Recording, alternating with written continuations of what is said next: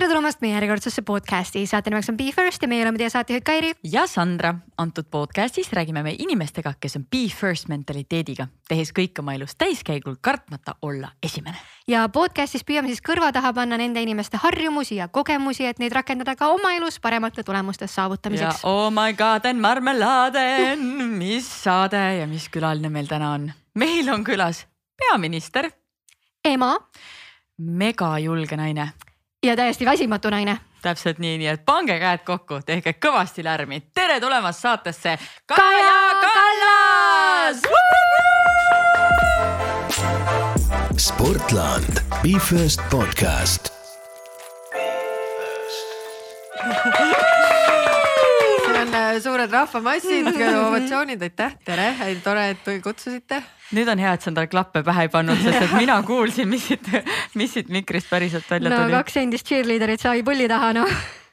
aga Kaja suur,, suur-suur aitäh, et sa leidsid aega, et meile külla tulla äh, ma ei tea, kas meil nii kõrge lennuga külalisi ongi olnud, vist meil ei ole. kõrge lennuga ongi. no true, jah, ei hakka kedagi panema siin äh, siis äh, pjedestaali peale, et aga, aga lendame kohe siis sisse meie esimeste mängu ja et juhuks, kui sa ei tea, millega on tegu, siis äh, meie alustame lauset, sina lõpetad ja me räägime sinu esimestest ja see on siis meil traditsioon iga jumalamaa podcast'is. nii et hakkame otsast minema. esimene sportlik eneseületus. esimene sportlik eneseületus oli tõenäoliselt koolis kitse hüppamine, vaata uh. -oh. pead sellest üle saama, sain üle oi kui paljud samastuvad praegu, oota kuidas sa sealt siis üle said? no suure eneseületusega vaata, et äh, mis võib tulla, mis võib juhtuda. Äh, ei, ega see meeldiv ei olnud, ikkagi ei ole nagu tore, aga samas kui üle said, siis oli nagu vuhu, tegin ära. aga kas ülejäänud kehaline kasvatus oli nagu meeldiv või pigem oli väljakutse? Äh, mina käisin äh, tantsutrennis kus äh, neli korda nädalas pluss esinemised ja siis mul tegi alati nalja, et need, kes käisid üks kord nädalas kergejõustikus, need said vabastuse kehalisest kasvatusest ja mina ei saanud. aga noh, oleneb, mida, mulle meeldisid igasugused mängud ja, ja selline võistkondlik või, või meeskondlikud asjad, aga ega ma ei olnud nagu mingi tohutu atleet, et spordis mingi esirinnas ei no spordist me saame natukese aja pärast veel rääkida, aga liigume siis äh, minevikust tänasesse päeva, mis on esimene asi, mida sa hommikuti teed? ma esimese asjana muideks võimlen ja et äh, lihtsalt kuna seda noh, varem ma tegin rohkem sporti, nüüd seda aega üldse ei ole ja siis nüüd ma võtan hommikul äh, seitse minutit, mul on äpp, mis annab mulle iga päev eraldi harjutused, mis on huvitav ja siis, siis ma vähemalt seitse minutit võimlen. oot-oot, mis siis täna hommikul harjutused olid? Äh, täna olid kõhulihased ja äh, kannikad ma ikka kujutasin ette siukest vanakooli nagu painutused paremale, vasakule. ei, ei, ei ikka, ikka igasugused äh, kõhulihased ja, ja siis äh, väljaasted ja. ikka jõutreening. No kui poleks lauda ja poleks seelikut, siis võib-olla ütleks, et aga teeme koos läbi. ja, ja, ja sina vana aeroobikatreener, ma kujutan ette, kuidas hakkab ka hopp-hopp, jõuad, jõuad, jõuad, jõuad. ei, aga kusjuures see muideks on tegelikult, mina olen hästi selline noh, ikkagi see kuidagi koos tegemine on mulle, ma ei ole mingi selline üksi jõusaalis rassija, et mulle meeldivad need rühmatreeningud, mulle meeldib just see, et, et sa oled nagu niimoodi, et ma enam ei jõua, siis vaatad nagu see tüüp nagu, kuule, ma olen palju paremas vormis kui tema, kui tema jõuab, jõuan mina ka ja teed tegelikult rohkem, et, et mul on kahju, et ma ei saa käia nendes rühmatreeningutes praegu. tead, Kairi, mis mulle tundub või? kui Kaja ja Evelin Võigemast panna koos tegema, siis nad võiks vist teha nagu lõpmatuseni ei ole teinud kunagi, vaata peaks proovima. no vot. oota, aga sa ei ole mõelnud, et teha nagu oma rühm inimestest, ma saan aru, et sa ei saa MyFiti sisse astuda ja seal trenni teha, sest vist turvamehed ei jõua nagu kõiki ruume üle. ei, ei aga... saaks küll ja ma olen käinud ka niimoodi, aga lihtsalt aega ei ole ja mul mm. ei ole mm. seda noh ma ennem kui ma peaministriks sain, siis ma käisin hommikuti ennem, ennem tööd. aga nüüd see tööpäev algab nii vara, et ainuke asi, mida ma jõuan hommikul, noh tõesti, kui mõni päev hakkab hiljem, et noh, teha mingi jooks või mingi sihuke kiiresti, aga, aga ma ei jõua lihtsalt, et minu jaoks võiks see trenn alata kell kuus, ma käin tennises, see algab mul seitse, et siis ma jõuan nagu, aga, aga jah, muidu ei jõua. oota, kas turvad käivad kõik kaasas ka või? esiteks nad ei ole turva, julgestuspolitsei, turvamees on poes, julgestuspolitsei või isikukaitse on see, kuidas seda tööd nimetatakse, nad on politseinikud. ei, mul on hästi vaba tegelikult see, et noh, nad käivad niimoodi vaatamas, et ega siin ei ole kahtlaseid inimesi, aga, aga ei, mul on ikka palju rohkem vabadust kui paljudel minu kolleegidel Euroopas. ja kui ma lähen näiteks, kui ma läheks sinna rühmatrenni, siis ega nad sinna saali ei tule ja duširuumi ka ei tule. akna taga niimoodi. ja, ja stepsel nina niimoodi vastas klaasi vastas. ja ei, seda ei ole aga kas siis ei ole selliseid hetki, kus sa natukene tunned, et äh, võiks olla ohtlik ringi käia, et maailm ei ole meil kõige rahulikumat tüüpi? Mm, ei, Eestis ma ei tunne seda, tõesti ei tunne, et mul on isegi vahest nagu selline noh, kuna see käib ametiga kaasas, ma saan aru ja nii, aga, aga mul ei ole kordagi sellist tunnet, et, et mul nagu reaalselt oleks vaja kui oli, oli siin vahepeal sellised äh, väga ärevad ajad ja on teada, et ega mm, ütleme, Venemaa mind ka väga ei armasta, et, et siis oli küll, loeti väga sõnad peale, et noh, mulle ikka meeldis noh üksi minna kuskile parki niimoodi, no mis ma hommikul hakkan siin, eks ole, nii vara ja lähen ja.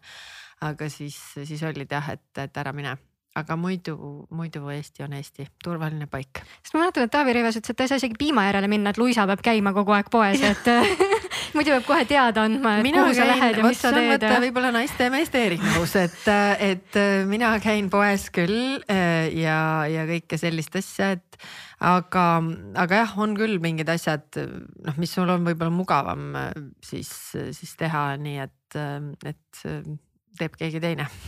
Taavi võib-olla lihtsalt oli kaval. kusjuures ma ei mäleta, kas see oli Luisa või Taavi, üks neist ütles meile seda, et tema peab nagu ei saa käia või peab käima piimal. no ju see oli, see oli selles mõttes naljakas, et täna ma olen ma just mõtlen, et kus ma täpselt sedasama kuulsin, et ma olin kuskil kas rahvakohtumisel või keegi ütles, et, et näed, et Taavi Rõivas ei saanud poes käia, sellepärast et, et muidu julgestus oli kaasas mm. -hmm. no vot nii, kuulge noored, aga meil on järgmine esimeste mängu küsimus. esimene kord, kui tundsid enda üle mega suurt uhkust? vot äh, ilmselt see koolis millalgi oli äh,, võib-olla äh, kuna ma olin tantsija ja siis ikka sai selliseid, kui oli mingid soolotantsud ja üksi nagu suurel linnahalli laval, et, et siis see on päris äge tunne tegelikult, kui on selline suur publik. et ma ei oska nagu näppu peale panna, et, et voh, see oli nüüd see, see kord. et neid kordi ilmselt on aga oli muidugi ka selliseid äh, ebaõnnestumisi, et noh, et näiteks kuigi ma olin tantsija ja mul ei olnud nagu mingit probleemi tantsida suure rahvamassi ees, siis mul oli meeletu hirm kõneleda rahva ees. Ja noh, teate, kui on, kui sa oled üheksandas klassis ja siis öeldakse, et keegi peaks nüüd lennu nimel kõnelema, no Kaja, sina võiksid. no ma tegin selle kõne, ma harjutasin peegli ees, ma harjutasin vanemate ees, ma harjutasin vanaema ees, ma harjutasin venna ees. Ja siis ma lähen sinna saali ette vaatan nii palju inimesi, mul oli silme ees täiesti must ja ma mäletan, et noh, kui minu vanemate silmad oleksid multifilmi, multifilmis, siis neil oleksid siuksed suured küsimärgid seal silmade koha peal, eks ole, nagu, et mis juhtus. midagi ma seal rääkisin minu õnn on see, et sellest ei ole videomaterjali, kuna see oli üheksakümne teisel aastal. aga, aga noh, ilmselgelt ei rääkinud ma seda, mida ma olin kodus mõelnud, et ma võiksin rääkida ja kirjutanud ja harjutanud ja nii edasi, et see on hoopis teine tunne. Aga mis hetkel sa tundsid, et see üle läks, see hirm? ega selle hirmuga tulebki tööd teha, et äh, selles mõttes, et kui sa pead seda lihtsalt tegema, siis sa pead ennast ületama ja pead ja siis vaatad, et okei okay,, jäin ellu äh, et polnudki ja siis järgmine kord ja järgmine kord ja, ja tegelikult seda tuleb harjutada ja minu üllatuseks oli see, et see on maailmas number kaks hirm. number üks hirm on lennuhirm, mitte ämblikud, palju pakutakse ämblikud, ei mm. -hmm. Number üks on lennuhirm ja teine on esinemishirm, avaliku esinemise hirm nii et enamusel on see. kas on mõni nipp jagada inimestele, kes kardavad äh, avalikku esinemist, mida teha? ei, ma ei oska niimoodi nippe küll, noh, kõige tähtsam on ettevalmistus, et kui sa oled nagu põhjalikult ette valmistanud, siis see aitab. ja teine asi, mis aitab, on see, et äh, mind vähemalt, kui on näiteks vaenulik publik, ei ole nagu sinusse, ei suhtu võib-olla kõige positiivsemalt, siis aitab see, et sa teed nagu mm, noh, sa vaatad nagu inimestele otsa, aga tema tegelikult. vaatad nagu läbi. vaatad nagu läbi mm, -hmm. et ma mäletan, ma olin kunagi ühes pulmas, olin pulmavana, kus oli selle pruudi äh, ema vist oli või no igal juhul üks ämmadest sellele üldse ei meeldinud kõik, mida ma teen. ja, ja siis noh, see nii õudselt häirib, kui sa näed, et keegi nagu nii õudselt on iga ihurakuga mingi turtsub ja plärtsub, et kuidas see nii on ja siis, siis noh, siis sa nagu saad aru, et kui ma nagu lihtsalt ei vaata talle otsa, siis ta ei saa mulle ka haiget teha ja see ei häiri mind, nii et sa vaatad lihtsalt nagu vaatad, aga samas ei vaata ka. et see, see aitab oma selles mullis olla kusjuures Mari-Liis Lill andis kunagi ühes intervjuus väga hea nipi, et äh, lõdvesta kõrvade tagant. ma olen ise seda nagu proovinud ka või lõdvesta kõrvad, ütles ta. ja see on tõesti, et kui sa nagu mõtled selle peale, et okei okay,, lasen kõrvad lõdva, lõdvaks, siis ka see lõuajoon lõdvestub mm. ja siis sa ei ole nagu krahvlikult niimoodi et.... ah vot selle peale ma ei ole mõelnud ma ei oska kõrvu lõdvestada, ma praegu üritan seda teha, aga ma ei saa isegi aru, et. mul vajub lõug alla kohe, see ei ole ka ilus mm.. võite ka kodus järele proovida. tõesti, seda me proovime väga, see on professionaalide nipp, tuleb välja. aga no äh, peaministri ametis sul on seda kõnede pidamist väga-väga äh, palju. kui me nüüd vaatame tagasi sellele esimesele päevale peaministrina, siis mis emotsioonid sealt üles tulevad? no see esimene päev, et mulle ei antud mingit sisseelamise aega, et see esimene päev oli niimoodi, et äh, oli siis äh, mõtlen, kumba pidi see nüüd on. kõigepealt sa oled, äh, oled riigikogus, annad vande, siis sa lähed äh, ähm, presidendi juurde äh, ja siis kohe sinna otsa, noh, tavaliselt on siis noh, kõik hakkavad sisse elama, mul oli kohe valitsuse istung, põmm, kohe, kohe pidin hakkama juhtima, sest kohe olid Covidi piirangud. eelmine valitsus oli teinud sellise äh, kingituse, et et kolmteist jaanuar valitsus kukkus, viisteist jaanuar oli neil valitsuskabineti istung, kus nad äh, siis teatud piirangutest loobusid ja Covid pani noh niimoodi püstloodis ülesse, nii et kui kahekümne kuuendal jaanuaril äh, mina jõudsin äh, siis peaministriks, siis kahekümne kuuendal jaanuaril juba noh, ühesõnaga sa pidid alustama nagu väga raskete otsustega. et mul ei olnud jah mingit sisseelamist, et seda päev, päev oli pikk ja päev oli pingeline ja, ja seda päeva ma mäletan hästi. kas sa vaimselt olid valmis selleks ametikohaks? No niivõrd, kui saab olla, et iga ametiga on ikkagi see, et sul on mingi ettekujutus ja siis äh, sul on see tegelikkus, et ma arvan, et iga ametiga sa ikkagi õpid äh, seda ametit mingi aeg. mõnel läheb see kiiremini, mõnel läheb aeglasemalt, aga, aga isegi kui sa oled seda kõrvalt näinud, peaministri amet on selline, mis on üsna unikaalne, mis tähendab seda, et sul seda õppimisvõimalust nagu väga ka ei ole kuna ma ei olnud olnud ka minister, siis ma ei olnud seda ka kõrvalt niimoodi seal laua taga näinud, mis mõnes mõttes ma arvan, on hea, sellepärast et äh, ma tegin asju nagu omamoodi või noh, nii nagu äh, mina mõtlesin, et ma neid asju äh, teen mm,. aga, aga kas mul oli ettekujutus, mida see töö kujutab endast, siis jah, oli. ja selles osas mul ei ole tegelikult mingeid erilisi üllatusi olnud ma just mõtlen, et äh, huvitav, et kui sul oleks olnud selline rahulik aeg sisse elada versus see, et sa lihtsalt nagu puh, kohe trush, let's go. et äh, kas see, kas see nagu see töö tunduks siis lihtsam, kui ta on praegu? vot ei oska seda niimoodi öelda, et ma arvan, et tegelikult ega vist väga vahet ei ole, ma arvan ühte või teistpidi ei saa see lihtne. no ei saa jah, et kumba pidi noh, et kumba pidi näiteks on, on raskem, et, et mul isa ütles mulle lohutuseks, et sul on nii rasked ajad kohe alguses, et järelikult lõpupoole on kergem. et noh, et, et see võib olla ka vastupidi, et algul algad ilge, kõik on nagu väga chill, eks ole, ja siis hakkavad tulema asjad nagu kuigi ega mul ei ole nagu lihtsamaks läinud, kui sa mõtled, et noh, et siis oli Covid, sinna tuli otsa energiakriis, siis tuli sõda, et, et nagu selles mõttes, et mingit sihukest hingetõmbepausi pole väga olnud, et, et laseme nüüd jala sirgeks ja vaatame, kuhu see asi viib, et seda ei ole olnud jah. kuidas sa jõuad kõike seda teha, kust sinu energia tuleb, et seda kõike mm,? vot see on ka üks küsimus, millele ma tegelikult noh, ei oska vastata, et see on vast ka niimoodi, et sa teed seda asja, mida sa pead tegema. Ja kuna on huvitav ka, siis ega sa ei pane nagu tähele, et sa paned siis tähele, kui sul on äkki üks hetk nagu vaba, noh, et näiteks kui sul on see laupäeva hommik äh, ja noh, ma olen püüdnud niimoodi sättida, et ei oleks äh, et noh, laupäev, et üks päev, et ma ei teeks midagi äh, tööd. Ja see ei ole alati võimalik, aga see laupäeva hommik, kui on võimalik ja siis sul on nagu sa hingad, sa magad ja siis muidugi sa ei maga siis tegelikult väga kaua, kuigi sa tahaksid, mõtled noh nagu reede õhtu, et homme magan mm. -mm, sa ärkad ikka suht vara ja siis, siis ma võtan, mul on paberleht, siis ma te, teen ära sudoku kõigepealt ja siis ma hakkan lugema seda, ma teen oma tee ja siis ma istun noh, see kõik kõlab jube nagu rahulikult, tegelikult see muidugi üldse nii rahulik ei ole, aga, aga noh, et kui selliseid päevi oleks mitu, ma arvan, et siis tuleks see väsimus jõuaks ka kohale. et, et ta ei jõua nagu jõuda väga, sest et sa oled kogu aeg selles rattas mm,. eks see pärast siis näha ole, ma arvan, et noh, sa peab ikka mingit, no ma üritan seda tasakaalu hoida selles mõttes, et, et et äh, olles advokaadina kunagi läbi põlenud, siis ma tean, mis see tähendab.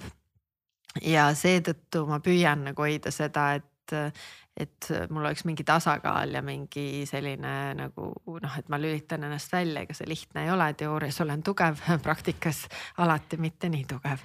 ma just mõtlengi seda, et noh, tore küll, et laupäev on vaba, aga kuidas sa lülitad ennast välja nagu kogu Eestist, kogu rahvast no, mm., see ei ole minu töö puhul, ma isegi ei suuda seda teha, ma ei kujuta ette veel sinu. see ei ole jah võimalik, et tegelikult noh, päris, päris välja sa saad lülitada, kui sa lähed Eestist ära, et, et noh, siis ei ole nii, et, et noh, et igal pool, kus sa lähed, et sa ei saa nagu päris äh, niimoodi äh, olla, et ma käisin üks nädalavahetus ähm, eelmisel kevadel vist äh, lapsega spaas ja noh, tegelikult nagu ei olnud mugav üldse olla et, et sa oled nagu kahekesi, aga tegelikult ei ole ka.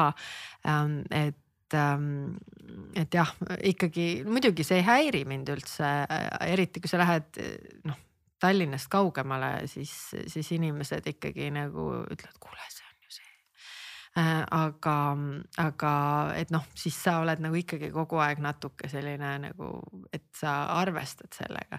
mõnes mõttes see töö on selline, et sa oled kakskümmend neli seitse, oled peaminister, ega sa ei saa panna seda varna ja öelda, et täna ei ole, täna olen lihtsalt Kaja, et äh, nii on ma siis võtan siit järgmise esimeste küsimuse jah, ma juba läksin nii sinna sisse, et ma oleksin tahtnud juba küsida neid nippe, et kus sa oma energiat ammutad, et kakskümmend neli seitse teha. maasikaid käin söömas siin äh, stuudios väga hea, no me pärast räägime nendest äh, energiaallikatest ka, aga esimene kord, kui sa tunnistasid, et su vanematel oli õigus. kusjuures seda korda ma muideks mäletan. Nonii. ja see oli niimoodi, et ähm, Äh, et noh, pidevalt sul on kogu aeg nagu oma vanematega, noh emaga, eks ole, mingid vaidlused, sa oled sihuke teismeline.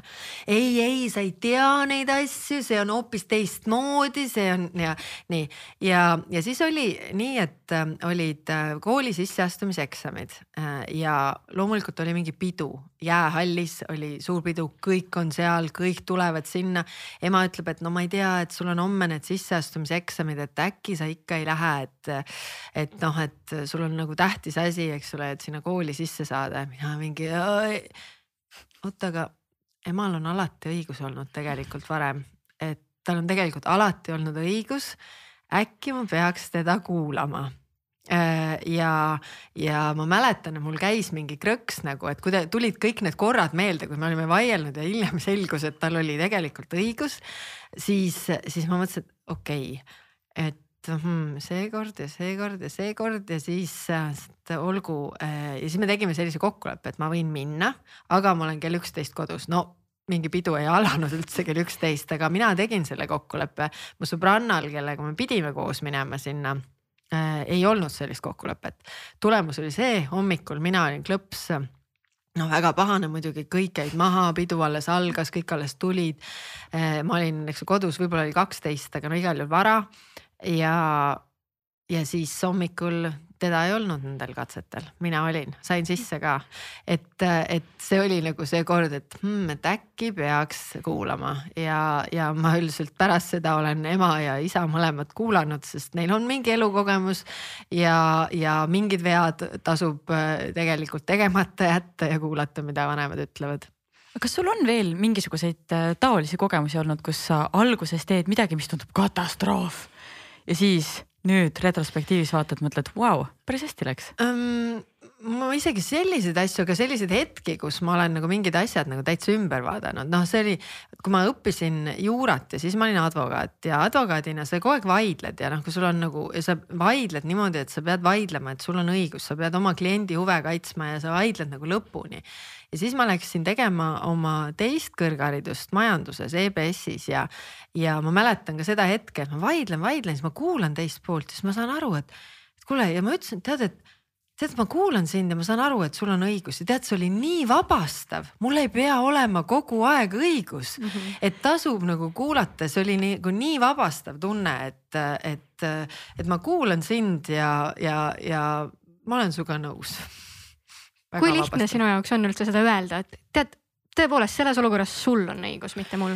Pärast seda on lihtsam, ennem seda oli noh, ma ikka võitlesin nii, et noh, ikka lõpuni välja, aga pärast seda, kui see, kui see arusaam nagu jõudis kuidagi kohale, et tegelikult, et see ei pea alati nii olema, et noh, okei okay,, sa oled mingid asjad läbi mõelnud, aga teised on ka. Ja kui sa kuulad neid, siis äh, õpid väga palju ka selle käigus ja, ja noh, ma pärast seda noh, ikkagi noh, olen hästi püüdnud kuulata, on mingid võitlused muidugi, kus mul on nii selgeks mõeldud kõik asjad, et, et noh, lihtsalt äh, ei ole seda, seda ruumi nagu, kui vastu sul ei tule ühtegi argumenti, vaid tuleb lihtsalt, et mina tahan, siis see ei ole minu jaoks nagu argument. Äh, et siis ma vaidlen ikkagi lõpuni, sellepärast et minu pool on argumendid aga, aga see, et sa nagu kuulad mingeid perspektiive ja saad aru, et mm, jaa, ei see, sul on õigus ja et tegelikult peaks seda ka kuulama või seda arvesse võtma, et see on jube vabastav. aga kui sa oled vestluses või diskussioonis inimesega, kes sa saad aru, et no ta lihtsalt jaurab, eks ole, siis kuidas sa lähened talle, et ta saaks aru, et ta ei jätaks selle jauramise või see on võimatu?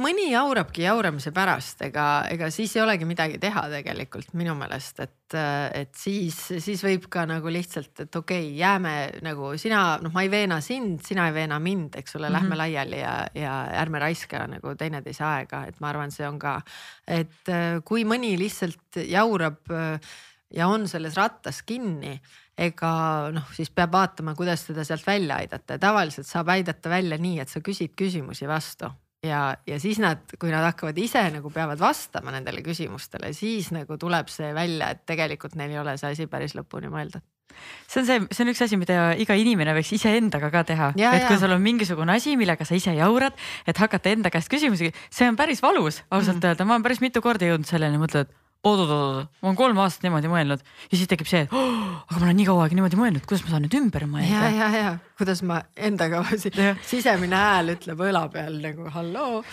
ei, ähm, aga tasub muidugi, sest inimene õpib tegelikult ja tasub ka õppida, et mitte olla kinni asjades päris kurb oleks terve elu olla üks ja sama. Kairi käest ma sain selle täpselt sellesama mõtte, et, et issand, vot kui igav oleks, kui me oleks kogu aeg ühesugused.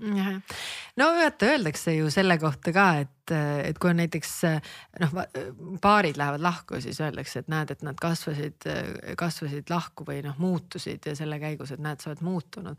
aga tegelikult ma lugesin ühte, ühte artiklit, et paarid lähevad lahku sellepärast, et, et, nad ei muutu. noh, et, et kui sa oled kahekümnese, kahekümnene ja siis sul on hoopis teistsugused huvid, hoopis teistsugune energia, hoopis teistsugused mured ja rõõmud. ja kui sa lähed, üks noh, kogu aeg nagu areneb ja siis tulevad uued mured ja rõõmud, mis on kolmekümnestel, neljakümnestel neljakümnestel ja siis sul on üks, kes on selliste neljakümneste murede rõõmudega ja teine on kahekümneste murede rõõmudega, et noh, siis on pigem see probleem, et üks ei arene ja teine nagu areneb, et, et see muutumine on võti, kõik muutub ju küll aga, mis ei muutu, on see, et meil hakkab äh, esimest mängu otsa saama ja meil on üks küsimus on veel jäänud ja mina väga ootan vastust sellele. et mis oli esimene raamat, mis tõeliselt muutis sinu mõtlemist? Ehm, ma niimoodi ei oska panna näppu peale, nagu ma ei oska panna ka näppu peale, et mis on su lemmikraamat näiteks, et, ma kuskilt lugesin, et inimene loeb elus kuskil tuhat raamatut keskmiselt ja kui sa mõtled, et tuhat on väga väike arv, siis ma ei raiska ennast lugedes ühte sama raamatut kaks korda näiteks. aga, aga mis on nagu kardinaalselt nagu muutnud, noh, mis on mulle mõju avaldanud, selliseid raamatuid ma võin küll öelda, et noh, näiteks äh, keskkooli ajal oli see vist keskkool või no kooli ajal kohustuslik kirjandus oli äh, Kärbeste jumal, William Golding. Ja ma loen seda, mõtlen, miks nad sunnivad seda lugema ja, ja mul oli nii hea meel, et nad tegid, sellepärast et kui ma lugesin selle lõpuni, siis, siis äh, see noh, kõik arusaamine, et mis saab, kui sul ei ole reegleid maailmas või mis saab siis, kui õigus on sellel, kelle käes on jõud. et noh, et see selline õigusriigi alusvundament, noh tol hetkel ma seda niimoodi enda jaoks ei sõnastanud, aga, aga see, see mõjutas mind tohutult tegelikult ja aitäh kirjandusõpetajatele ja ütlesin ka, kui koolis küsitakse, et no kohustuslik kirjandus, ma ütlen, et teate, et, et võtke seda niimoodi, et see on mingil põhjusel kohustuslik ja, ja kui te selle läbi loete ja lõpuni loete, siis võib-olla te õpite sellest midagi ka. mina igal juhul olen õppinud. mina olin ka see, kes ikka tükk aega, ma ei taha, ma ei taha ja siis pärast olin, issand, kui head teosed täiesti no. aga mõned on olnud ka sellised, et mis ilmselgelt äh, antakse lastele liiga vara mm. -hmm. et noh, seesama Tõde ja õigus, ma lugesin selle kunagi hiljem ja mõtlesin, et vau et tegelikult päris äge raamat, aga, aga kooli ajal no, absoluutselt ei haakunud niimoodi. ei mõistnud veel kogu mm -hmm. seda maailma nii, aga me saime esimeste mänguga ühele poole. Mm, see ei olnud küll päris rekordepisood ajaliselt, aga arvestades, et meil on ainult tund aega sinu aega, siis me võtsime ikka päris korralikult siin praegu äh,. Äh, nii et meil väga palju ei ole aega teiste osade jaoks, aga hakkame otsast minema. ja, sest me otsustasime, et fänniküsimusi oli nii palju, et me mm -hmm. anname fännidele ka väga palju sõna aga tõesti? ja me räägime alati ikkagi tööst ja sinu töö on selline töö, mida ma ütlen ausalt, mina kunagi endale ei tahaks, see tundub äh, suhteliselt õudne selles osas, et äh, tõenäoliselt ei ole päeva, kus keegi ei kritiseeriks seda, kes sa oled ja mis sa teed. miks sa seda tööd siis teed? see on jah, selles mõttes huvitav äh, töö, et, äh, et kõik maailmas või noh, vähemalt Eestis kõik teavad täpselt, mis sina pead tegema, et noh, mhm. näiteks kui ma olin advokaat, siis nagu inimene tänavalt ei, ei arvanud minu töö kohta midagi, seepärast et ma olin oma ala ekspert ja, ja minu käest küsiti nõu. aga nüüd on jah niimoodi, et kõik teavad, et kõik, mis sa teed, on valesti tehtud, kõik on valesti. Ähm, ja see on jah, võib-olla selline omapära selle töö juures, aga noh, miks ega see ametipost ei ole minu jaoks kunagi olnud eesmärk, et tegelikult ma läksin poliitikasse sellepärast, et ma tahtsin, ma nägin, et on mingid asjad, mis Eestis võiksid olla paremini. Ja ma nägin, et, et tegelikult noh, advokaadina sa annad nõu, keegi teine otsustab, aga selleks, et sa saaksid ise olla otsustaja, pead sa selles kaasa lööma. ja, ja ma nagu läksin poliitikasse, kandideerisin valimistel ja hakkasin nende asjade eest seisma, seesama õigusriik. Äh, noh, erinevad noh, ka riigikogu eetika ja kõik sellised asjad. ja vaikselt sa teed oma tööd ja, ja tuleb nagu üks positsioon, äh, teine, siis ma olin Euroopa Parlamendis, kus ma õppisin ka tohutult palju tegelikult, ma olen mõnekord toonud seda paralleeli, et ma ei käinud kunagi keskkooli ajal vahetusõpilasena kuskil välismaal, minu sõbrannad käisid, ma olin neile väga kade, et nad said sealt sellise pagasi, siis Euroopa Parlamendis töötamine oli minu jaoks natuke nagu vahetusõpilane, et sa õppisid nii palju, olles täiesti teises keskkonnas. aga, aga kuidagi ilma, et ma oleksin seda eesmärgiks seadnud, ma olen siin sellel tööl on ka palju positiivseid külgi, noh näiteks üks asi on see, et sa töö, sulle kõik Eesti parimad pojad ja tütred äh, kirjutavad sulle, kui sa ei tea millestki midagi, siis sa küsid, et aga kuidas sellega on trrr, sulle tehakse see kõik selgeks, et sa saad mhm. päris targaks, kui sa neid asju loed. Äh, teine asi, noh kui ma seda tööd alustasin, siis mulle anti kõik nimekiri igasugust välisvisiitidest, kus ma pean minema. ja, ja ma tõmbasin järjest maha, ma ütlesin, mul on siin Eestis igast, mul on, ma ei saa nii palju välja minna, igalt poolt tõmbasin kõike maha ja siis tol ajal mul oli üks välisnõunik ütles, Kaja. Ära tõmba neid maha, see on ainuke positiivne osa sinu tööst. et nagu, et ja tõesti, sa lähed välismaale ja siis sa oled seal tõesti niimoodi, rullitakse punane vaip ja, ja kõik, aga, aga noh, muidugi ma siiski olen käinud, nii naljakas kui see ka ei ole, käinud palju vähem välismaal, kui seda on käinud minu eelkäijad, kui lihtsalt vaadata puhtalt visiitide arvu poolest. aga eh, kuna inimestel tundub, et ma olen palju välismeedias, aga ma annan neid intervjuusid siit Eestist, ma ei lähe tegelikult tegelikult ära, nii et aga see on tore, seal on, kõik on nii positiivsed ja, ja see on jälle teistmoodi, nii et sellel tööl on ka palju selliseid huvitavaid või positiivseid külgi, kohtud väga paljude huvitavate inimestega ja kõik see, nii et see ei ole ainult, ainult võitlus mulle meeldib, et sa ütlesid, et sa saad ise otsustada siis neid asju, et keegi teine ei tee siis neid. see tundub minu jaoks veel ekstra hirmus, et ettevõtjana ma mõtlen oma töötajate peale juba ja juba siis on nende otsuste tegemine ja langetamine keeruline ja siis mõtled, et terve riigi eest justkui mm. neid otsuseid teha. see on ja see on raske jah, selles mõttes, et otsustamisega on nii, et no eriti selliste otsustega väga tihti riigi tasandil on nii viiskümmend protsenti ütlevad, sa peaksid tegema nii, viiskümmend protsenti ütlevad, sa peaksid tegema naa. keegi peab otsustama ja nüüd, kui sa otsustad siis, siis viiskümmend protsenti inimesi on pahased su peale, ütleb nii valesti otsus, no nii loll otsus, kui üldse sai olla.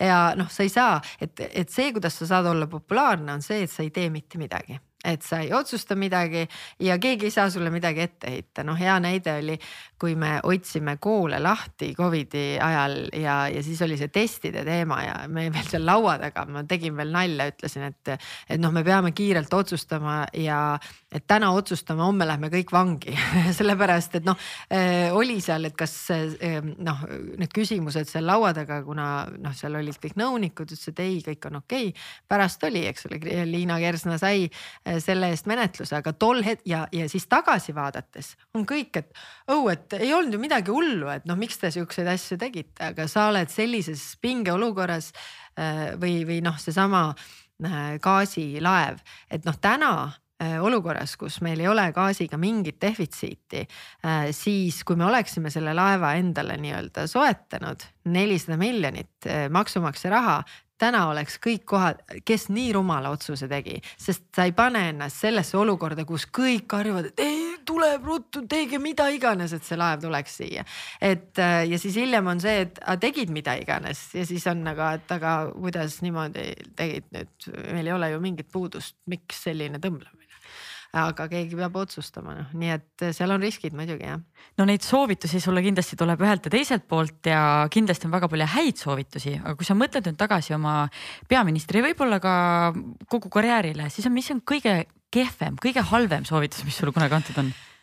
no ähm, kui mõelda äh, nende alguses ma sain väga palju selliseid soovitusi, et hmm,, et äh, ma ei tea, lõika juuksed ära äh,, räägi madalama häälega äh,. tead, kanna pükskostüüme ähm,, võta juurde mm -hmm.. noh, et oleks nagu ikkagi nagu kuidagi tõsiseltvõetavam ja, ja, ja noh, ja ma mõtlesin, need ei olnud üldse mingid pahatahtlikud inimesed, vaid need olid nagu, et aa, et midagi on sinuga nagu valesti, et sa nagu kuidagi ei sobi sellesse positsiooni. ja, ja siis sa saad aru, kuna kõik on olnud mehed, siis see pilt on see, et see on selline Mm -hmm. kõmiseva häälega, eks ole, meesterahvas äh, püksides, eks ole, ja sina ei mahu sellest šabloonist läbi, et noh, et, et seepärast, et ma olen alati olnud naiselik ja väga, mulle on alati kleidid meeldinud ja ma ei lõika oma juukseid ära, kui just ei pea. ja, ja noh, et minul ei ole, mul ei ole midagi viga, ma olen lihtsalt teisest soost, et äh, sellega tuleb harjuda. see nõuab ikka nagu spordimeeste kohta, kohta või nagu niimoodi kontekstis öelda sihuke mune, et sa nagu. spordimehed ütlevad niimoodi no Kalev Kruus. või mingit vastupidavust või. ma kuulen, Kalev Kruus ütleb seda kogu aeg, aga, aga et, et tõesti, et, et sa jääd endale kindlaks, et ei, ma ei pane seda pükskostüümi selga, kui ma ei taha, et ma jäängi kleitide juurde, sest et mulle meeldib et kui palju sul, kus sul võttis see kaua aega, et sa nagu jõudsid selle enesekindluseni, et nii ma arvan, et see, et ma olen ikkagi olnud neliteist aastat advokaat, et et see ei olnud mul noh, ei ole esimene, ma tean, mis ma olen ja mis ma ei ole. et kui teile ei sobi, mind ei valita niimoodi, siis hea küll, ma lähen tagasi advokaadiks, ma olin väga edukas advokaat. jah, loomulikult pean tegema pingutusi, et ennast samale tasemele üles töötada, aga mul on see tagauks, et ma ei pea olema keegi teine selleks, et teile meeldida. ja kunagi ma ütlen, Tony Blair on kirjutanud oma raamatus teekond et äh, poliitikud ei ole näitlejad, kui äh, sa oled võlts ja üritad nagu mängida kedagi teist, siis see tuleb varem või hiljem välja, et inimesed saavad aru sellest, et, äh, et ole see, kes sa oled ja ürita sinna peale ehitada. et ma arvan, et mul ei oleks võib-olla seda enesekindlust, kui mul ei oleks seda tagumist ust, et ma võin minna sealt, okei okay,, ei sobi, kui ma sellisena ei sobi, siis, siis nii on. Aga kas sa täna näed oma tulevikku ikkagi poliitikas? see poliitikas, see tulevik on hästi ebakindel, et, ähm, et noh, ma olen mõelnud ka, noh, üks on, tulevad valimised loomulikult, kui on võimalik äh, kui meil läheb valimistele hästi, kui on võimalik valitsus moodustada, siis ma selle valitsuse kindlasti tahan kokku panna, äh, selles ametis jätkata.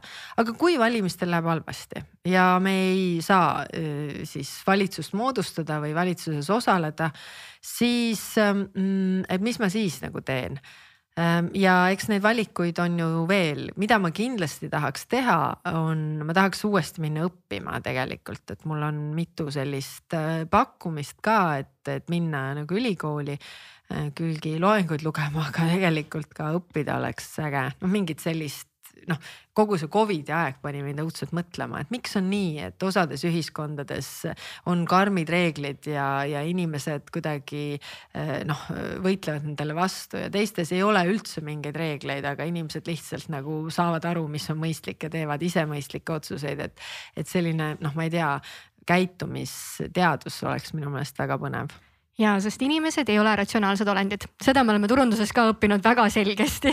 ja, ja. oota, mis, mis ülikool siis oleks silmapiiril? kuule, mul ei, ei, mul on mitu sellist välismaa ülikooli pakkunud äh,. aa, lausa niimoodi? ja, ja, ja et, et ma võiksin jah tulla ja selles suhtes küll aga, aga noh, millal, millal need võimalused on, et praegu siiski keskenduks valimistele mm. -hmm. et aga, aga noh, hea on nagu mõelda, et, et noh minu meelest peab alati mõtlema kõik need variandid nagu läbi, et eh, see ei ole sul nagu maailma lõpp, noh nii on, demokraatia on nii ja inimesed teevad oma valikud mm. -hmm. aga sul on üks amet veel äh, lisaks siis poliitikule ja, ja sellele, et sa oled Eesti esimene naispeaminister sa oled ema, mida emadus sulle õpetanud on? Oi-oi-oi, väga palju, et äh.... siit tuli suurem ohe kui see peaministri küsimuse peale.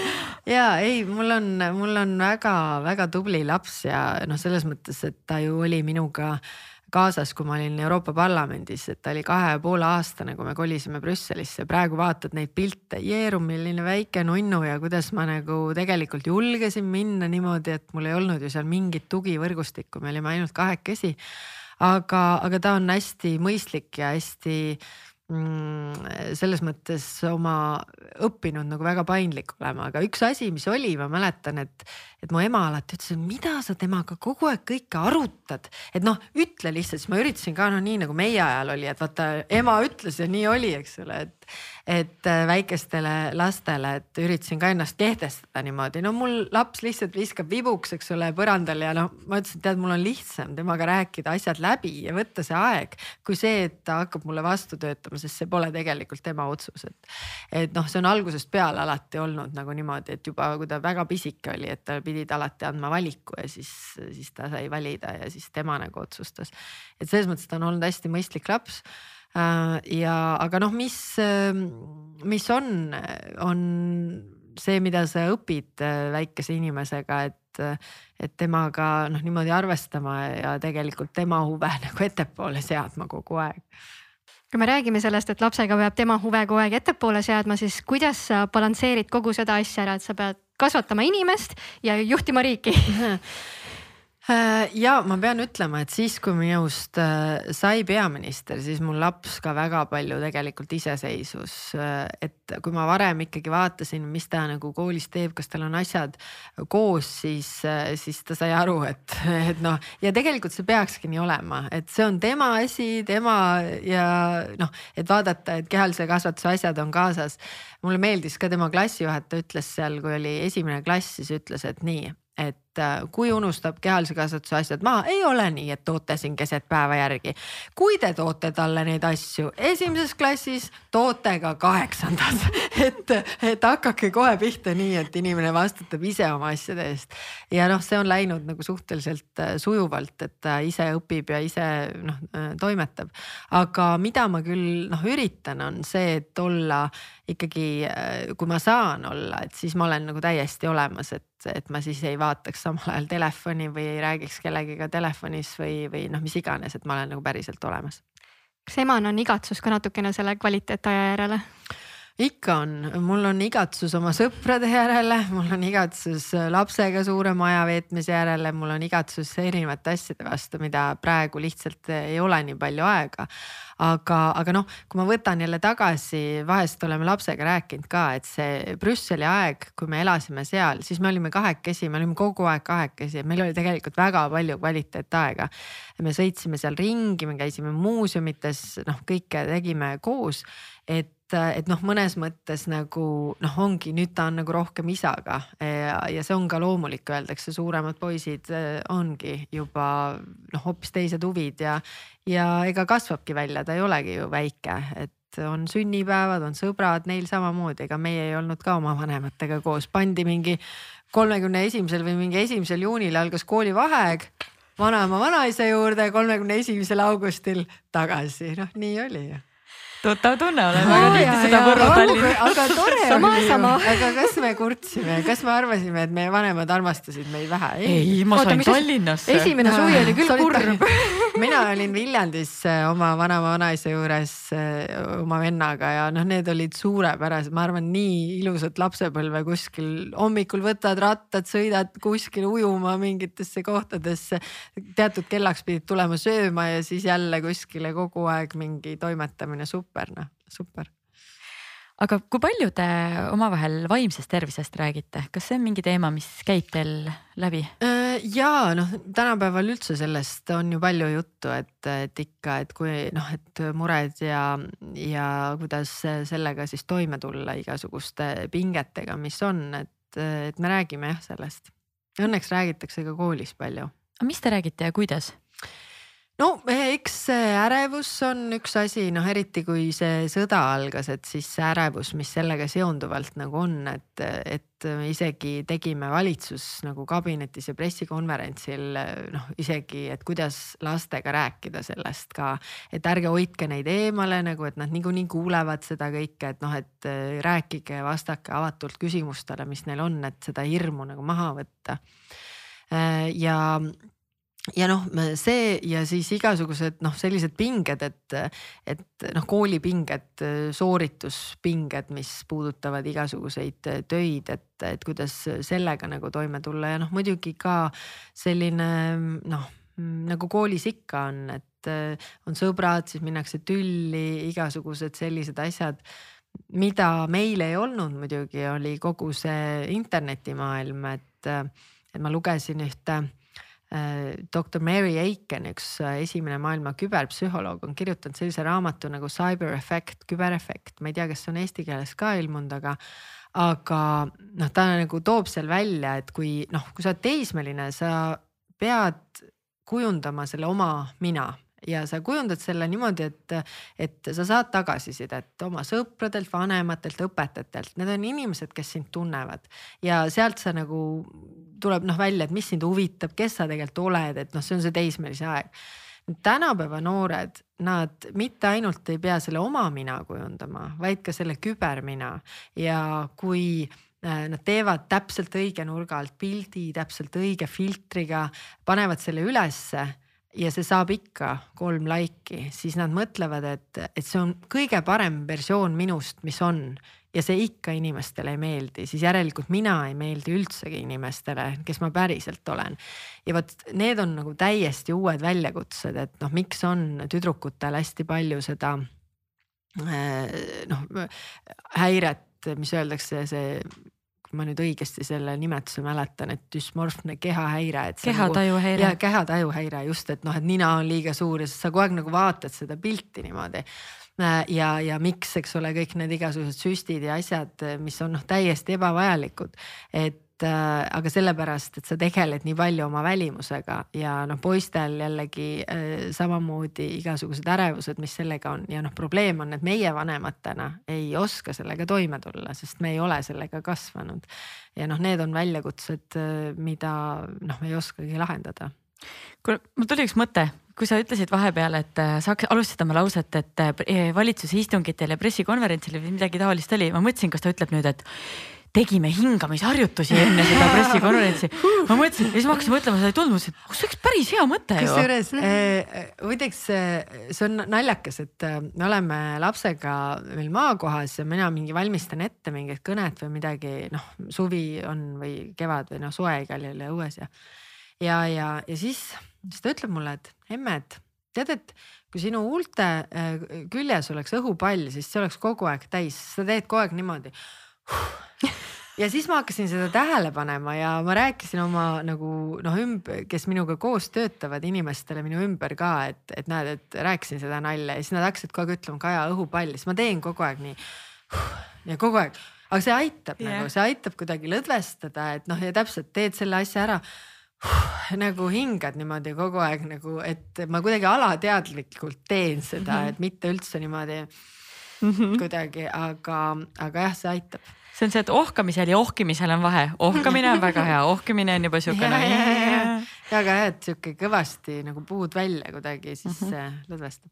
mulle meeldis, et sa ütlesid, et sinu ümber on hästi palju inimesi, kes annavad sulle nõu, kas sul on vaimse tervise osas ka keegi, kas sul on coach, mentor, psühholoog? oi, ei ole mul ei ole aega sellisteks asjadeks. Kaja Zoom on olemas ja, aga selleks peab ka aeg olema mm. -hmm. selleks peab ju ka aeg olema, et ei ei, mul ei ole äh,, aga mul on, ma olen küll kasutanud, et äh, ma ütlen, see on ka võib-olla, äh, kui oli eelmised valimised ja, ja siis mingi oktoober või november oli hästi raske aeg, et meil nagu toetus läks alla, ma olin noor, noh uus erakonna esimees, meil olid suured probleemid, võlad, igasugused asjad ja valimised olid tulemas ja kõik ja noh, see kuidagi see tunne. ja siis, siis ma sain kokku Kristiina Šmigun-Vähiga, kes on sportlane, eks ole, siis Kaja, tead, me võidame, võta kokku ennast ja umbes noh, tead nagu ja temas see võitlus vaimsest noh, täpselt, et noh, mis mõttes, eks ju.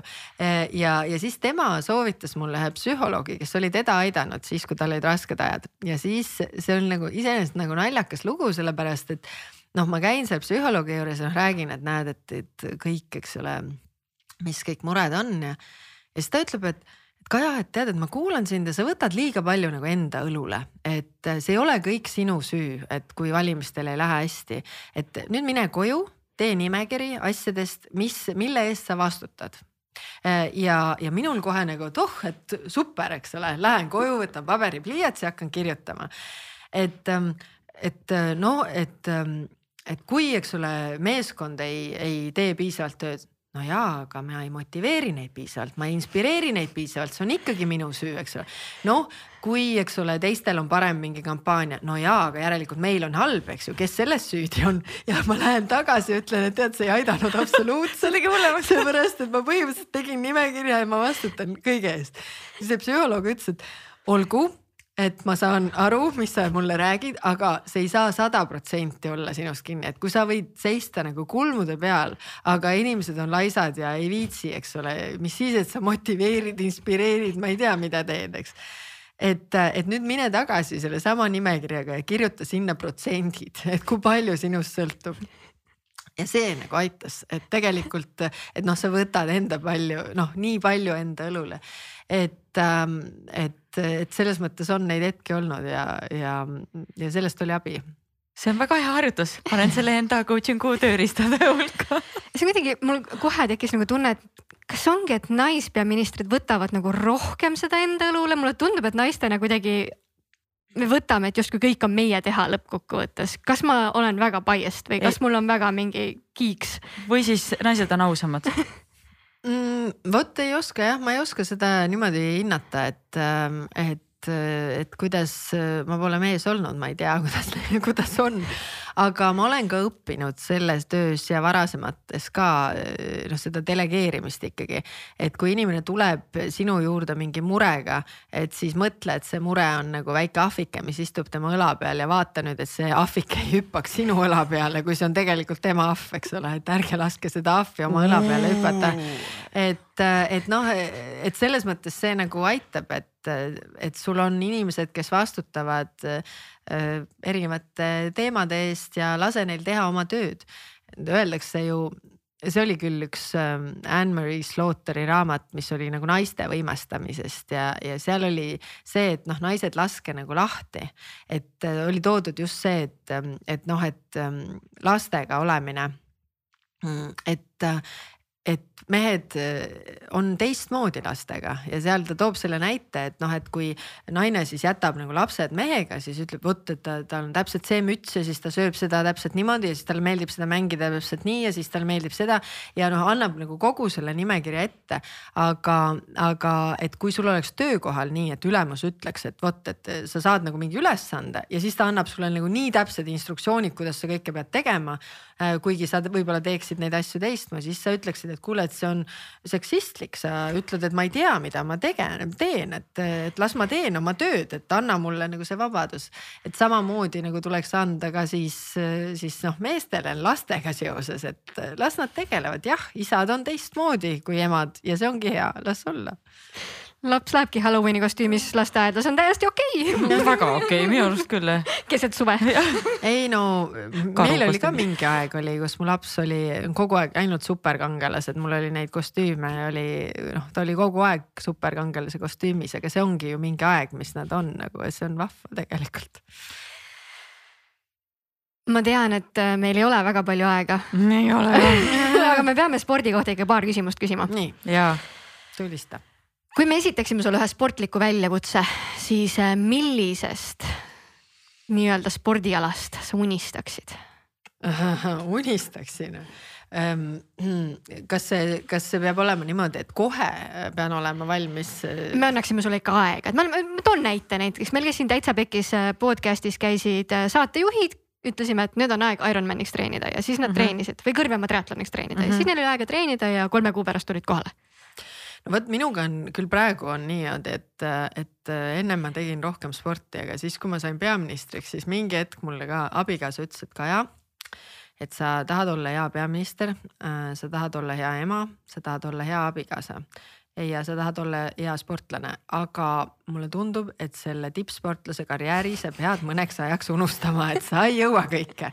et kui ma vist tõusin mingi kell viis, et minna jooksma nagu olles läinud magama, ma ei tea, mis kell.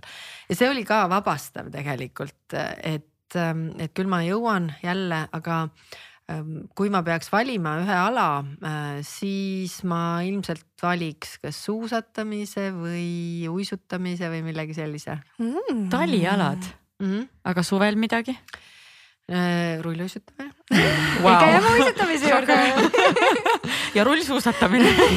Rullsuusatamine mulle ei meeldi tegelikult, ma kogu aeg jäin nende suuskadega kuidagi, võib-olla meil oli tol hetkel, kui ma rullsuusatasin äh, palju, siis olid äärekivid olid. Ja siis ma jäin nende, noh, ma üldse ei tabanud seda ja siis kuidagi ma ei oska nendega tegelikult pidurdada ka, et, et kuidagi minu jaoks nagu ebakindlam kui uisud mulle tundub ikkagi, et see triatlon on selline nagu poliitikute ala. ei väga..., ei, ei, ei, tead, ma ütlen, kunagi ma võistlesin, ma tõesti, ma käisin suusavõistlustel, ma käisin rattavõistlustel ja ma isegi mäletan jällegi seda hetke, kui mul käis see krõks, kui ma mingi, see oli äh, Rakveres äh, oli hästi mingi vihma sadas, mingi ilge sopane, mingi rattaralli oli. ma käisin üle Nipli sealt äh, Vallimäelt alla sõites, üleni porine, märg, külm, kõik ja siis ma mõtlesin, et Kaja, et miks sa seda teed? noh, lihtsalt küsin, et, et miks sa seda teed, pjedestaalile sa ei jõua.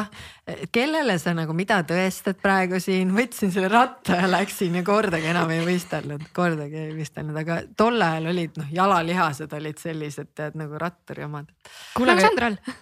Ei, need on, see on šokolaad Eh, kuule, aga tegelikult on ülihea minna nüüd eh, fänniküsimuste juurde, sellepärast et oota, siin oli spordiküsimusi ka, kohe otsin ennast. nii, Raimo tahab küsida, rääkides siis öö, jalgrattaspordist, millal võtad ette Eesti kõige põnevama rattamaratoni Haanjas? oh jeerum äh, mitte, mitte niipea, mul on üks ihukaitse on Raimo, äkki ta tahab seal võistelda Ohoh. ja siis ta küsib seda, et, saaks nagu, saaks ka osaleda, et äh, muidu pole aega ju. ja, ja ei, ei, kusjuures see on nagu kõik need igasugused Berliini maratonid ja no mul näiteks noh, abikaasa tahaks õudselt joosta mingi Berliini maratoni, kuhu sa ei saa, aga vaat peaministrit saaks ja ma ütlesin, aga mina pean seal surema, eks ole, seal kuskil finišis nagu kukkuma punasena maha love. selleks, et sa saaksid minuga kaasa joosta. ei, see on nali äh,. ei olnud praegu plaanis, on aus vastus mm -hmm. minna äh, et Haanjas on ka väga palju mägesid ja oi-oi, see on lihtsalt ma jälle käiks seal võib-olla üle Nipli, ma olen Munamäest ka alla sõitnud rattaga. no kui me rääkisime enne sellest, et sa lähed jooksma hommikul kell viis, mis sest, et sa lähed magama, kes teab, millal, siis äh, ma enam ei Hensu, lähe viis jooksma Ah, no. igaks juhuks ütlen Hensu tahab teada meil siin, kui palju sa magada saad, kui sa pidevalt lennus oled ja kohtumistel oled? Ähm, see oleneb äh, päevadest, et äh, et vahest saab tõesti väga vähe magada, et noh, näiteks kui oli see eelmise aasta kahekümne neljas veebruar, siis oli täpselt niimoodi, et no hommikul kell viis hakkas kõik ja, ja siis oli noh, kõik, ma kogu seda päeva ei kirjelda, ülemkogu oli, mis lõppes kell kuus hommikul, siis ma lendasin Eestisse kell üheksa oli juba valitsus, noh niimoodi, et mul oli kaks päeva, nii et ma ei maganud silmatäitki silmatäitki ei maganud. et magama sain alles laupäeval põhimõtteliselt.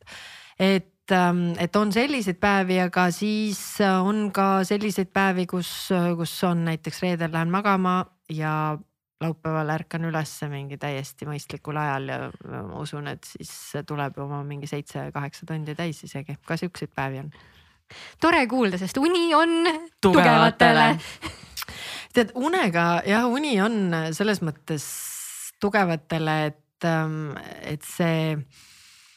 Ma olen neid igasuguseid raamatuid lugenud ka une, see Why we sleep ja kõik, tead, need raamatud on kirjutatud inimeste poolt, kellel ei ole unega mingit probleemi. no nagu minu abikaasa, kes ütleb, et oh, et et töömured oh,, täna niikuinii ei jõua midagi teha, et hommikul tegelen, magab. Mul on niimoodi, ma olen terve öö üleval nagu kõik mingid mõtted käivad seda, teist, kolmandat ja siis ma mõtlen, et, et need, kes ütlevad, oh, et noh, lihtsalt maga, et ära mõtle lihtsalt töömõtteid, okei. okay, proovin, aga kuidas? Äh, Shout out siin Kene Vernikule, tundub, et sul on siin inimene, keda võiks konsulteerida. ja äh, uneteema on muidugi hästi-hästi oluline, aga siin on veel paar ägedat küsimust ja sorry, ma küsin selle lihtsalt sellepärast, et see on väga äge küsija ja küsija tuleb varsti kutse ka siia Be First podcast'i. Villem Trillem tahab teada, mis on Kaja Kallase go to playlist? mul ei ole praegu mingit playlist'i, ma lihtsalt, ma väga vabandan, mul ei ole üldse. Villem Trillem, Kajal on vaja playlist'i. jaa. tee valmis, jaga linki. võta põlved kõhu alt välja Ähm, ja et mul varem ma kuulasin äh, väga palju ka kuidagi muusikat ja nüüd mul laps teatas, et millal sa ometi teed selle Spotify korda, et seal ei tuleks reklaame, sest vahepeal sai krediitkaart, eks ole, otsa ja oli vaja sinna sisestada, et sellest ma järeldasin, et ma ei ole väga kaua kuulanud muusikat. Ehm, ma küsiks ka Kärdi küsimuse, ma väga resoneerun sellega. kuidas võidelda rumalusega?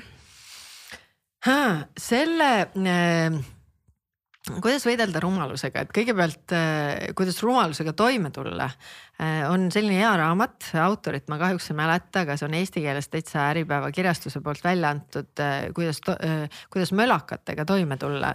see, seal on palju nippe kuidas äh, lolluse või rumaluse või, või ebaviisakatega äh, saada hakkama, aga aga kuidas enda rumalusega võidelda, siis selle vastu on ainult see nipp, et tuleb, tuleb lugeda, tuleb kuulata, tuleb üks soovitus, mis mul on kõigile kooliõpilastele on see, et, et teate, et, et te teete oma elu nii palju lihtsamaks, kui te tunnis lihtsalt kuulate või loengus või koosolekul, et kui sa päriselt kuulad, mis seal räägitakse, sul on pärast nii palju lihtsam. siis, kui ma EBS-is õppisin, siis ma mäletan, et ma istusin nagu noh, oli suur loeng oli, ma istusin viimases reas turundus oli, mis noh, tegelikult ainena on nagu super lihtne, kui sa vähegi nagu midagi mõikad ja kuulad.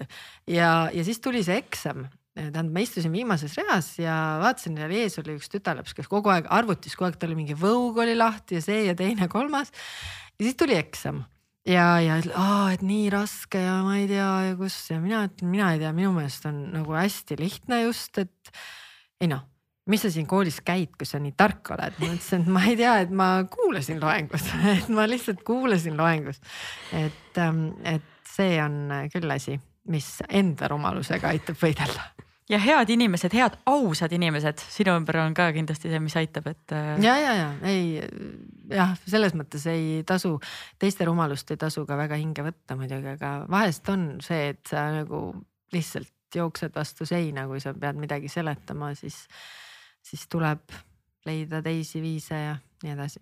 otsida neid aknaid, uksi veel natukene Äh, tahaks veel küsida fänniküsimusi, aga ma näen, et äh, meil on aeg siinkohal, et me lähme soovituste nurga juurde. no lähme äh,. mis sa ütlesid, et nii palju. no meil on siin terve hunnik veel küsimata. oli nii vähe fänniküsimusi. no me võime äkki varastada siis äh, pildi ja video arvelt. no võtame pildi nii. ja video arvelt.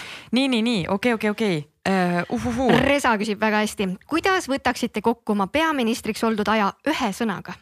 Oh jeerum, kriis kriis kriisi otsa nii, olgu äh,. Maria küsib, kuidas vastata küsimusele, millele vastust ei tea?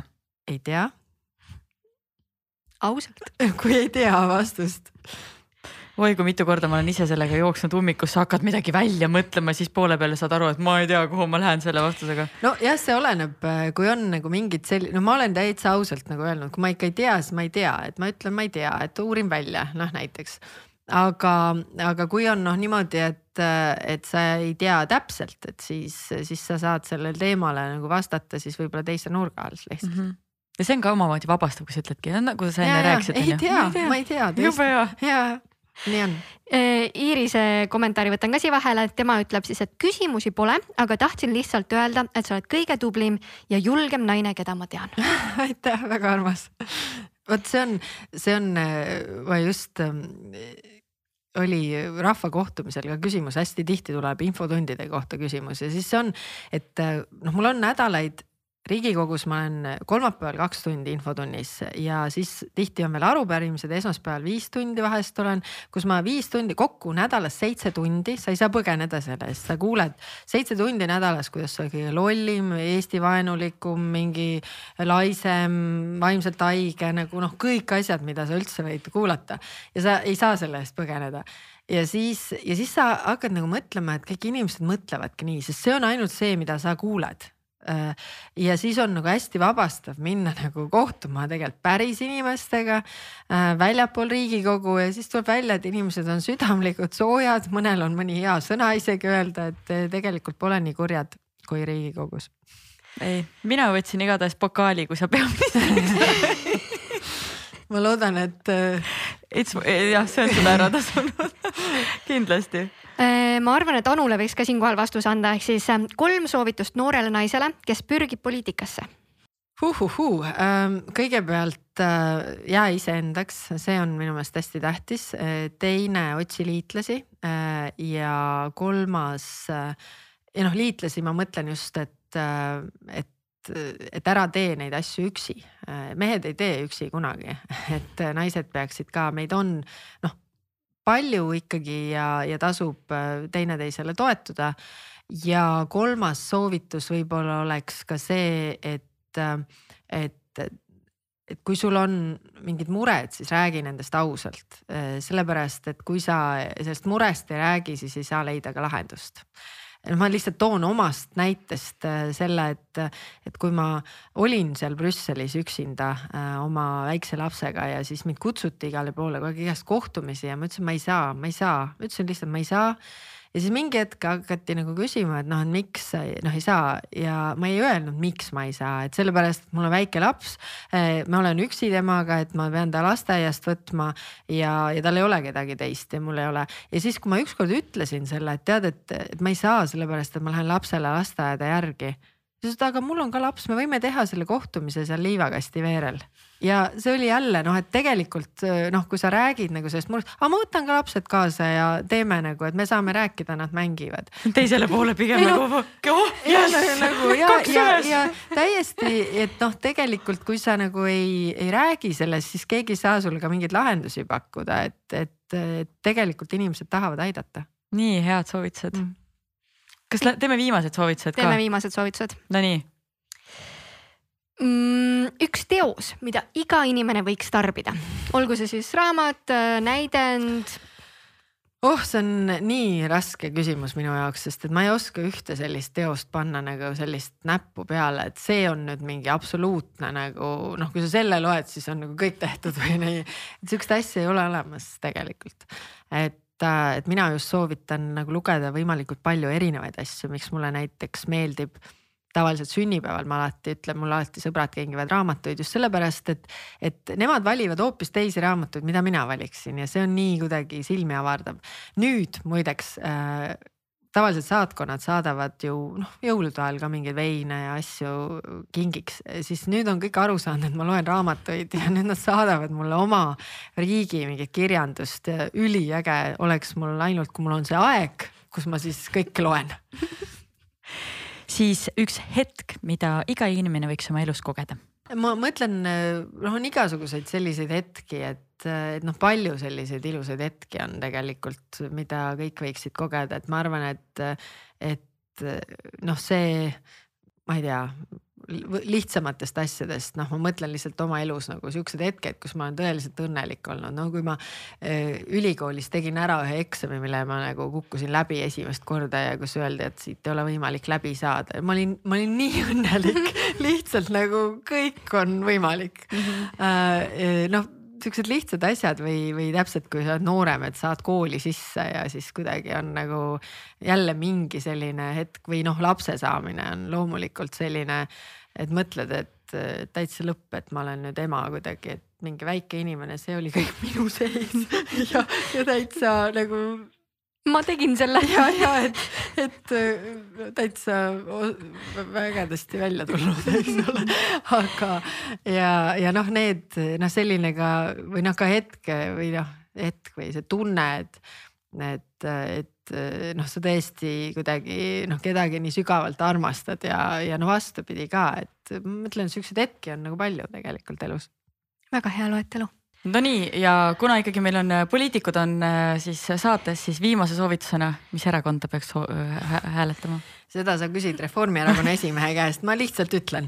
Äh, aga minu jaoks on tähtis see, et inimesed tuleksid valima, eriti noored, et, et kui poliitika on vaidlus nende reeglite järgi, mille järgi me ühiskonnas elame, kuidas raha jaotame, siis, siis kui sa selles ei osale läbi valimiste näiteks, siis sa lased kellelgi teisel otsustada. et, et valige inimesi, kes esindavad teie vaateid ja, ja kindlasti, kindlasti minge valima, et loomulikult mina saan soovitada oma erakonda, aga on teisi erakondi ka, et tähtis on oma valik teostada mulle väga meeldis, Roosa Bananike pani just video ülesse, kus oli üleskutse selles osas, et äh, teeme niimoodi, et meist viiskümmend aastat äh, vanemad meesterahvad ei vali meie eest või ei otsusta meie eest, kui me oleme ise kahekümne aastased naised. Jah, see on, see on tõsi, et, et see võiks olla, leia kedagi, kes esindab sind selliselt, et seepärast, et viiekümne aastane mees ei tea, mida tunneb kahekümne aastane naine või millised mured tal on. mul on endal selliseid näiteid väga palju, kui ma kuulan, et kõik mehed arutavad selle üle, et mis noori naisi paneb sünnitama, ma mingi umbes, et aa või et mis nagu noortel naistel on, on puudu ja siis nagu noh, kõigile antakse sõna ja siis ma olin noor poliitik veel ma, ma mingi, ma olen selline naine nagu, et kuulake mind nagu, oh, mis sina ka tead, umbes niimoodi.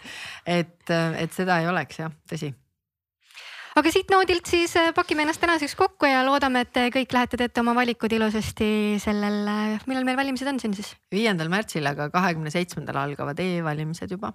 nii et. jah, ja aitäh, et te valisite praegu meid olge mõnusad. tšau. Sportland, Be First podcast